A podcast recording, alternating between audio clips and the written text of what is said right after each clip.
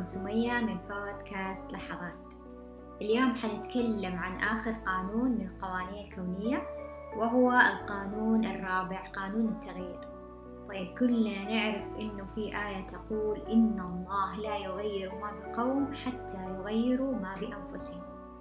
فكلنا فهمنا القوانين القانون الأول والقانون الثاني والقانون الثالث اللي ما سمع القوانين يسمعها في البودكاست. طيب إيش قانون التغيير؟ ببساطة لو أنت شخص مو عاجبك واقعك مو عاجبك عملك مو عاجبك حياتك مو عاجبك الوضع اللي أنت عايش فيه حتى لو أنت مو عاجبك الشخص أو الشريك اللي أنت بتتعامل معه فقانون التغيير يقول لك لو بدأت بنفسك راح تقدر إنه تغير كل هذه الأشياء فإحنا عرفنا القانون الأول اللي هو الذبذبات إنه أي شيء إحنا بنرسله لو إحنا قاعدين نفكر ونرسل بذبذبات فرح وغنى ووفرة وسعادة حنلاقي الوفرة حتجينا أكثر السعادة الغنى وما ذلك. لو إحنا قعدنا نفكر في الفقر في الشح في الندرة في البخل في السلبية راح نلاقي سلبية أكثر وفقر وهذه الأشياء كلها متفقين عليها. القانون الثاني قلنا المسؤولية. يعني الإنسان لما يبدأ يضع قانون التغيير في باله أول شيء لازم يعرف هو إيش قاعد يرسل يشوف الذبذبات اللي قاعد يرسلها. ثاني شيء يتحمل مسؤولية حياته. يتحمل مسؤولية إنه والله أنا حياتي ما هي عاجبتني والله شريكي أنا ما أشوفه إنه هو مناسب والله وضعي والله مكاني والله عملي والله فلوسي. يتحمل مسؤولية الواقع ويتحمل مسؤولية إنه راح يبدأ في التغيير. ويعرف من القانون الثالث الثنائيات إنه هو إيش الشيء اللي آه يعني متحيز له بطريقة كبيرة. التغيير بكل بساطة إيش يقول؟ إنه إحنا الأشياء اللي نشعر فيها بداخلنا هي تنعكس في الخارج سواء تعاملنا مع الأشخاص سواء واقعنا سواء لو عندنا مثلا نقدر نقول عايشين في بيئة ما هي مناسبة القانون يقول لك إنه لما تبدأ أنت تقعد كده جلسة مع نفسك وتشوف إيش الأشياء اللي هي ما هي عاجبتك في نفسك تبدأ تغيرها حيتغير الواقع. طيب خلونا نفهم موضوع التغيير يعني دائما إحنا نقول غير ما بداخلك يتغير ما بخارجك تغيير الأنفس غير غير. طب إيش نغير؟ هل أنا أغير مشاعر أغير سلوك؟ هل أنا أغير أفكار؟ هل أنا أغير إيش أغير؟ أنا أحب أقول لك إنه التغيير معناته إنك تغير من طريقة تفكيرك. خلونا ناخذ مثال. مثلا في شخص دائما الأشخاص اللي يجذبهم أشخاص استغلاليين يعني يستغلوه سواء ماديا يستغلوه في وقته في عطائه يستغلوه في كل شيء مشاعريا يستغلوه. أنا هنا ما ينفع يجي مثلا ياخذ عندي استشارة وأقول له شوف آه لازم نغير السلوك. هو إنه أنت توقف هذا العطاء. هنا ما ينفع هذا الكلام. ليش؟ لأنه وراء هذا السلوك كانت فيه مشاعر وفكرة وفكرة ومعتقد وربما برمجة. بمعنى يمكن هذا الإنسان عنده العطاء لغة حب يمكن هذا الإنسان عنده العطاء طريقة لأنه يجذب الناس. يمكن فأنا هنا أسأله أقول له إيش الغرض الأساسي من هذا العطاء المبالغ فيه؟ ممكن يكون هو شخص من الطفولة تعرض إلى حرمان أو ممكن يكون صار له صدمة إنه كان بخيل ما يعطي أو أحد الوالدين. يعني قد تكون أسباب مرة كثيرة. الفكرة هنا إنه الإنسان لما يقول لك غير ما بالأنفس لأنه إحنا عارفين أي شيء في الخارج هو عبارة عن انعكاس في الداخل فقط. يعني هي رسالة تقول لك شوف ترى أنت عندك مشكلة جواتك حاول إنك تسوي معاها ديل وتتوصل إلى حل. فبالتالي الخارج راح يصير فلة شمعة منورة طيب؟ فأنا هنا أقول لك التغيير يا عزيزي ويا عزيزتي هو تغيير في طريقة التفكير. يعني والله آدمية تشعر إنه هي مثلا دائما تجذب حولها أشخاص كذابين أو أشخاص بخلاء أو أشخاص يستغلوها أو مثلا تروح في مكان ويكون عندها رئيس أو يعني مسؤول عنها شخص ظالم متسلط دائما في تعنيف لفظي أو مثلا وحدة تتزوج و... وتروح عند زوج يعنفها لفظيا جسديا هل هذا الشيء طبيعي؟ هل من حق الإنسان إنه يعيش بهذه الطريقة؟ أنا أقول لك لا طيب هنا كيف نحل الموضوع؟ هنا نبدأ نشوف ونشوف ال ال ال نشوف الحادثة الأولى إيش صار؟ نشوف أنت قاعد تتغذى على أي شعور؟ نشوف إيش فكرتك عن هذا الموضوع؟ خلونا ناخذ موضوع مرة مهم. هعلمكم كيف ممكن تحللوا أو تغيروا طريقة تفكيركم أو تفككوا موضوع. مثلا لو أنتوا أشخاص ما تقدروا تروحوا عند لايف كوتش أو شخص يساعدكم. على سبيل المثال المال. طيب؟ المال يعتبر موضوع مرة شائع بين الكل وأغلب الناس تتعرض لدروس قوية في المال. يعني طبعا العلاقات وفي كمان المال. طيب أنا هنا لو في شخص عنده مشكلة مرة كبيرة مع المال بمعنى إنه ما يقدر يوصل إلى مبلغ اللي هو يبغاه أو قد يكون أصلا ما عنده مصدر دخل فهنا في معاناة ومشكلة جدا كبيرة. طيب هنا أنا ممكن إيش أقول له؟ ممكن يكون عنده صح سلوكيات غلط مثلا إنه مرة بيصرف كثير آه بيصرف على أشياء مش آه أساسية على أشياء آه كمالية. قد يكون شخص مبذر في سلوكيات كثيرة. لكن إحنا خلونا نسوي كذا ندخل جوا في العمق. إيش الشيء الأساسي اللي خلى هذا الإنسان يسوي هذا السلوك الخاطئ؟ هو هذا اللي إحنا نقول نغير ما في أنفسنا.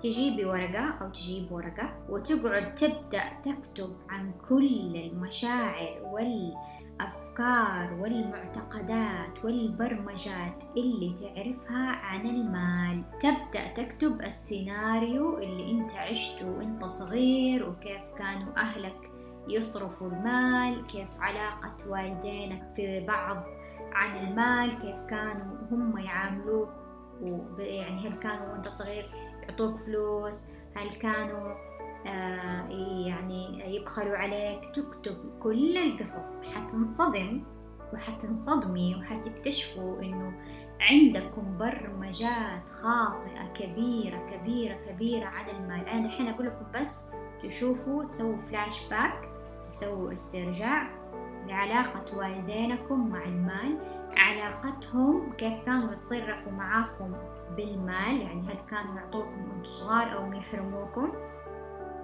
تبدأوا بعدين تفككوا هذا القصة كلها تشوفوا الموضوع إيش حاصل حتكتشفوا إنه مثلا قد يكون عندكم برمجة إنه المال ممكن الأغنياء عندهم مال ولكن ما عندهم صحة.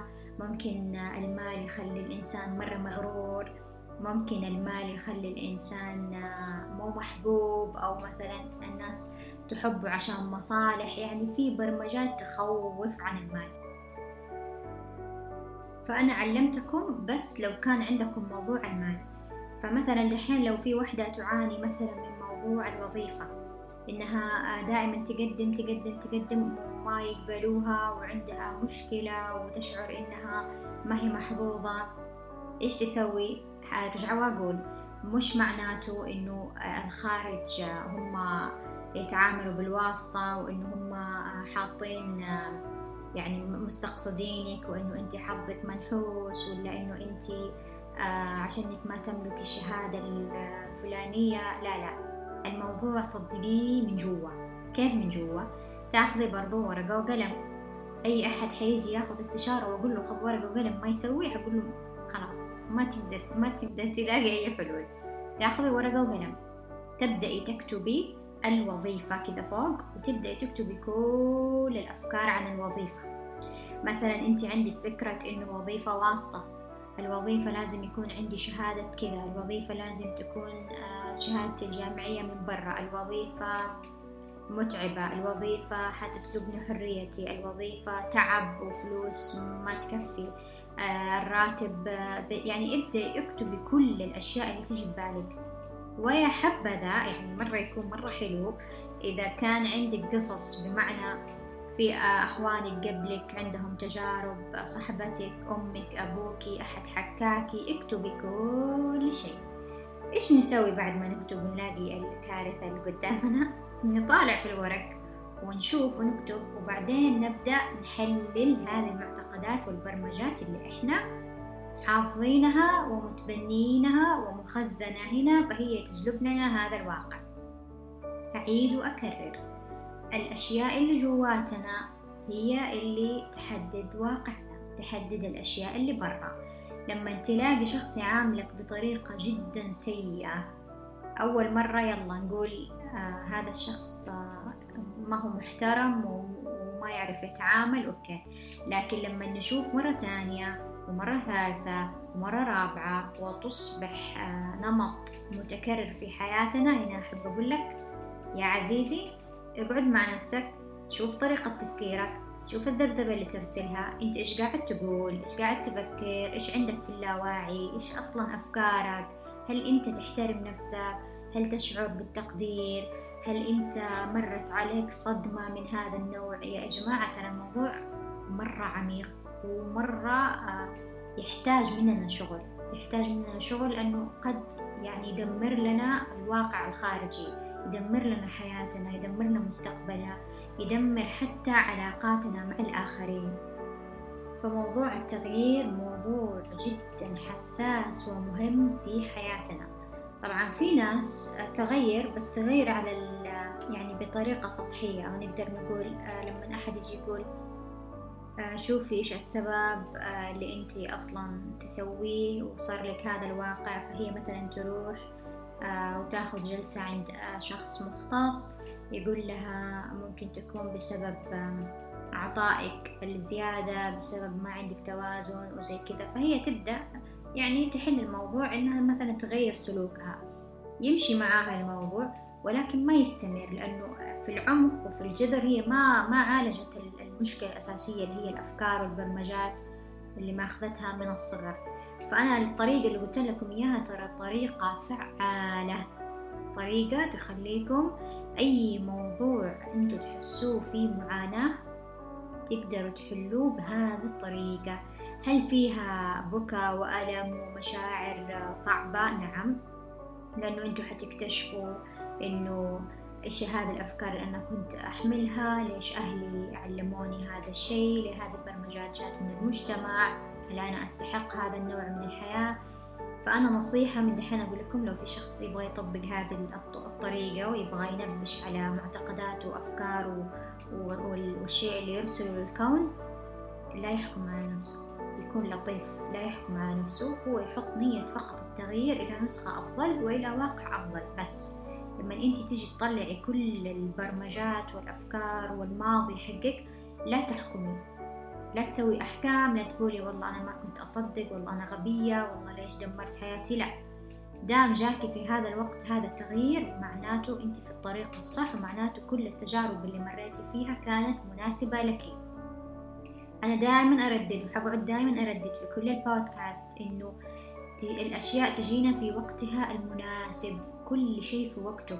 ما. ما يجي على شخص أنا مثلا أقول له والله أنت جاك هذا الشيء قبل أوانه أو ما في كل شخص يحصل على هذا الواقع اللي يعيشه بناء على استحقاقه وعلى استعداده. ركزوا لي على استعداده. استعداده معناته مش استعداد فقط مادي استعداد نفسي مشاعري. يعني على سبيل المثال لو في شخص تعرض إلى خيانة وحصل انفصال طيب هو حيقول لي طب أنا زمان حياتي كانت معاه حلوة وكويسة ومدري إيه وليه ما شعرت إنه أنا يعني هذا الشخص يخونني ومدري إيه وليش دحين حصل انفصال والخيانة؟ لأنه هذا الوقت المناسب إنه يحصل هذا الشيء عشان أنت تدرك وتتغير. طيب في نهاية الحلقة أحب أقول لكل إنسان يشعر إنه حان الوقت إنه يغير لأنه إحنا طوال الوقت عندنا تغيير. يعني مثلا في أشخاص تمر عليهم سنوات الحالة المادية جدا رائعة ولكن ممكن يكون عندهم مشاكل في العلاقات والصداقات. في أشخاص الصحة عندهم تكون جدا رائعة ولكن يصير عندهم مشكلة في الماديات أو العلاقات. معناته الإنسان طوال الحياة يصير يغير يغير يغير. ليش؟ لأنه إحنا نبغى نوصل إلى إلى الاتزان إلى السعادة إلى الراحة. كيف حنقدر نوصل لها؟ يعني إحنا ما حنقول نبحث على الكمال والمثالية مع إنه ما في شيء كامل ومثالي ولكن إحنا نبحث على الراحة والرضا. شفتوا هذا هذا شعور الرضا والراحة والإحساس نقول أنا سعيد أنا مرتاح أنا أشعر إنه حياتي اللي أبغاها أو الشعور اللي أبغاه أنا الحين عايشه. إحنا نبغى نوصل لهذا هذه هذه المنطقة فقط. كيف نوصل لها؟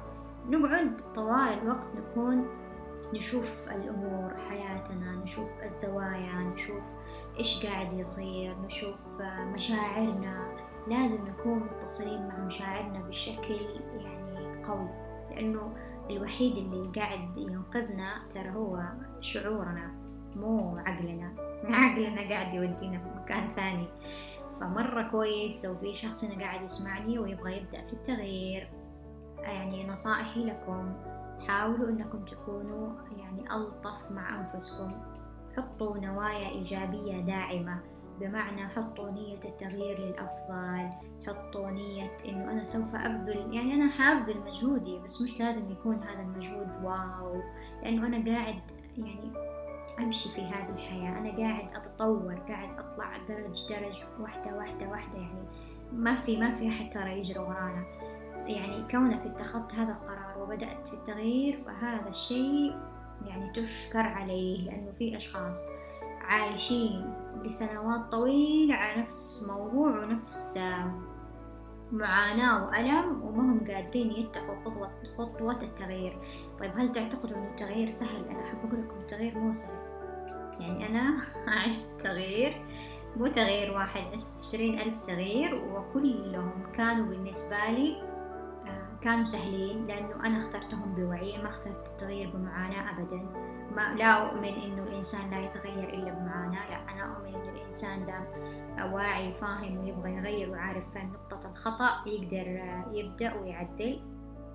أنا أتمنى إنه مثلا توصلني مسجات منكم. لو في شخص كان عنده موضوع مأزم ومعاناة أو حتى شيء بسيط وقرر وحط نية التغيير ومشي في هذه العملية وغير حياته أو تغير هذا الواقع عشان نغير اللي بداخله. أتمنى إني أسمع هذه القصص منكم لأنه أنا عندي قصص مرة كثيرة وما أبغى أقعد في البودكاست بس أحكي قصصي. أتمنى إنه ترسلوا لي قصصكم وتشاركوني وأنا حصير أنزلها في البودكاست عشان الناس تتعلم. لأنه في أشخاص أعتقد إلى الآن ما عندهم هذا الإدراك إنه أوه يعني أنا لو غيرت تفكيري وغيرت نظرتي عن هذا الموضوع أنا راح مثلا أتزوج أو أنا راح أجذب الشخص اللي أبغاه. نعم يا حبيبتي تقدري لأنه أنت تسمعي قصص مثلا يعني أنا من أكثر القصص اللي تجيني إنه تكون امرأة منفصلة وعندها أطفال وهي تقعد تقول إنه آه، ما راح يجيني شخص بمواصفات اللي أنا أبغاها بحكم إن أنا مطلقة وعندي أبناء وعمري كذا وعايشة في هذا المجتمع مع أهلي. فيعني آه، هي يعني تشعر إنه ما راح يجيها الإنسان اللي هي تبغاه. يعني إنه مثلا هي تبغاه شخص ما عنده أطفال أو تبغاه شخص آه، يعني أصغر منها بعمرها. يعني في في في مميزات معينة هي حاطتها في بالها. أنا هنا أجي أقول لها آه لا حيجيكي. لكن لما أنت تبدأي تشعري من جوا إنه أنت تستحقي هذا الرجل. طيب ترى هذا موضوع ثاني. أنا كل ما أبدأ أتكلم في موضوع أحس إني أخش في موضوع آخر ونفسي أفصل فيه تفصيل.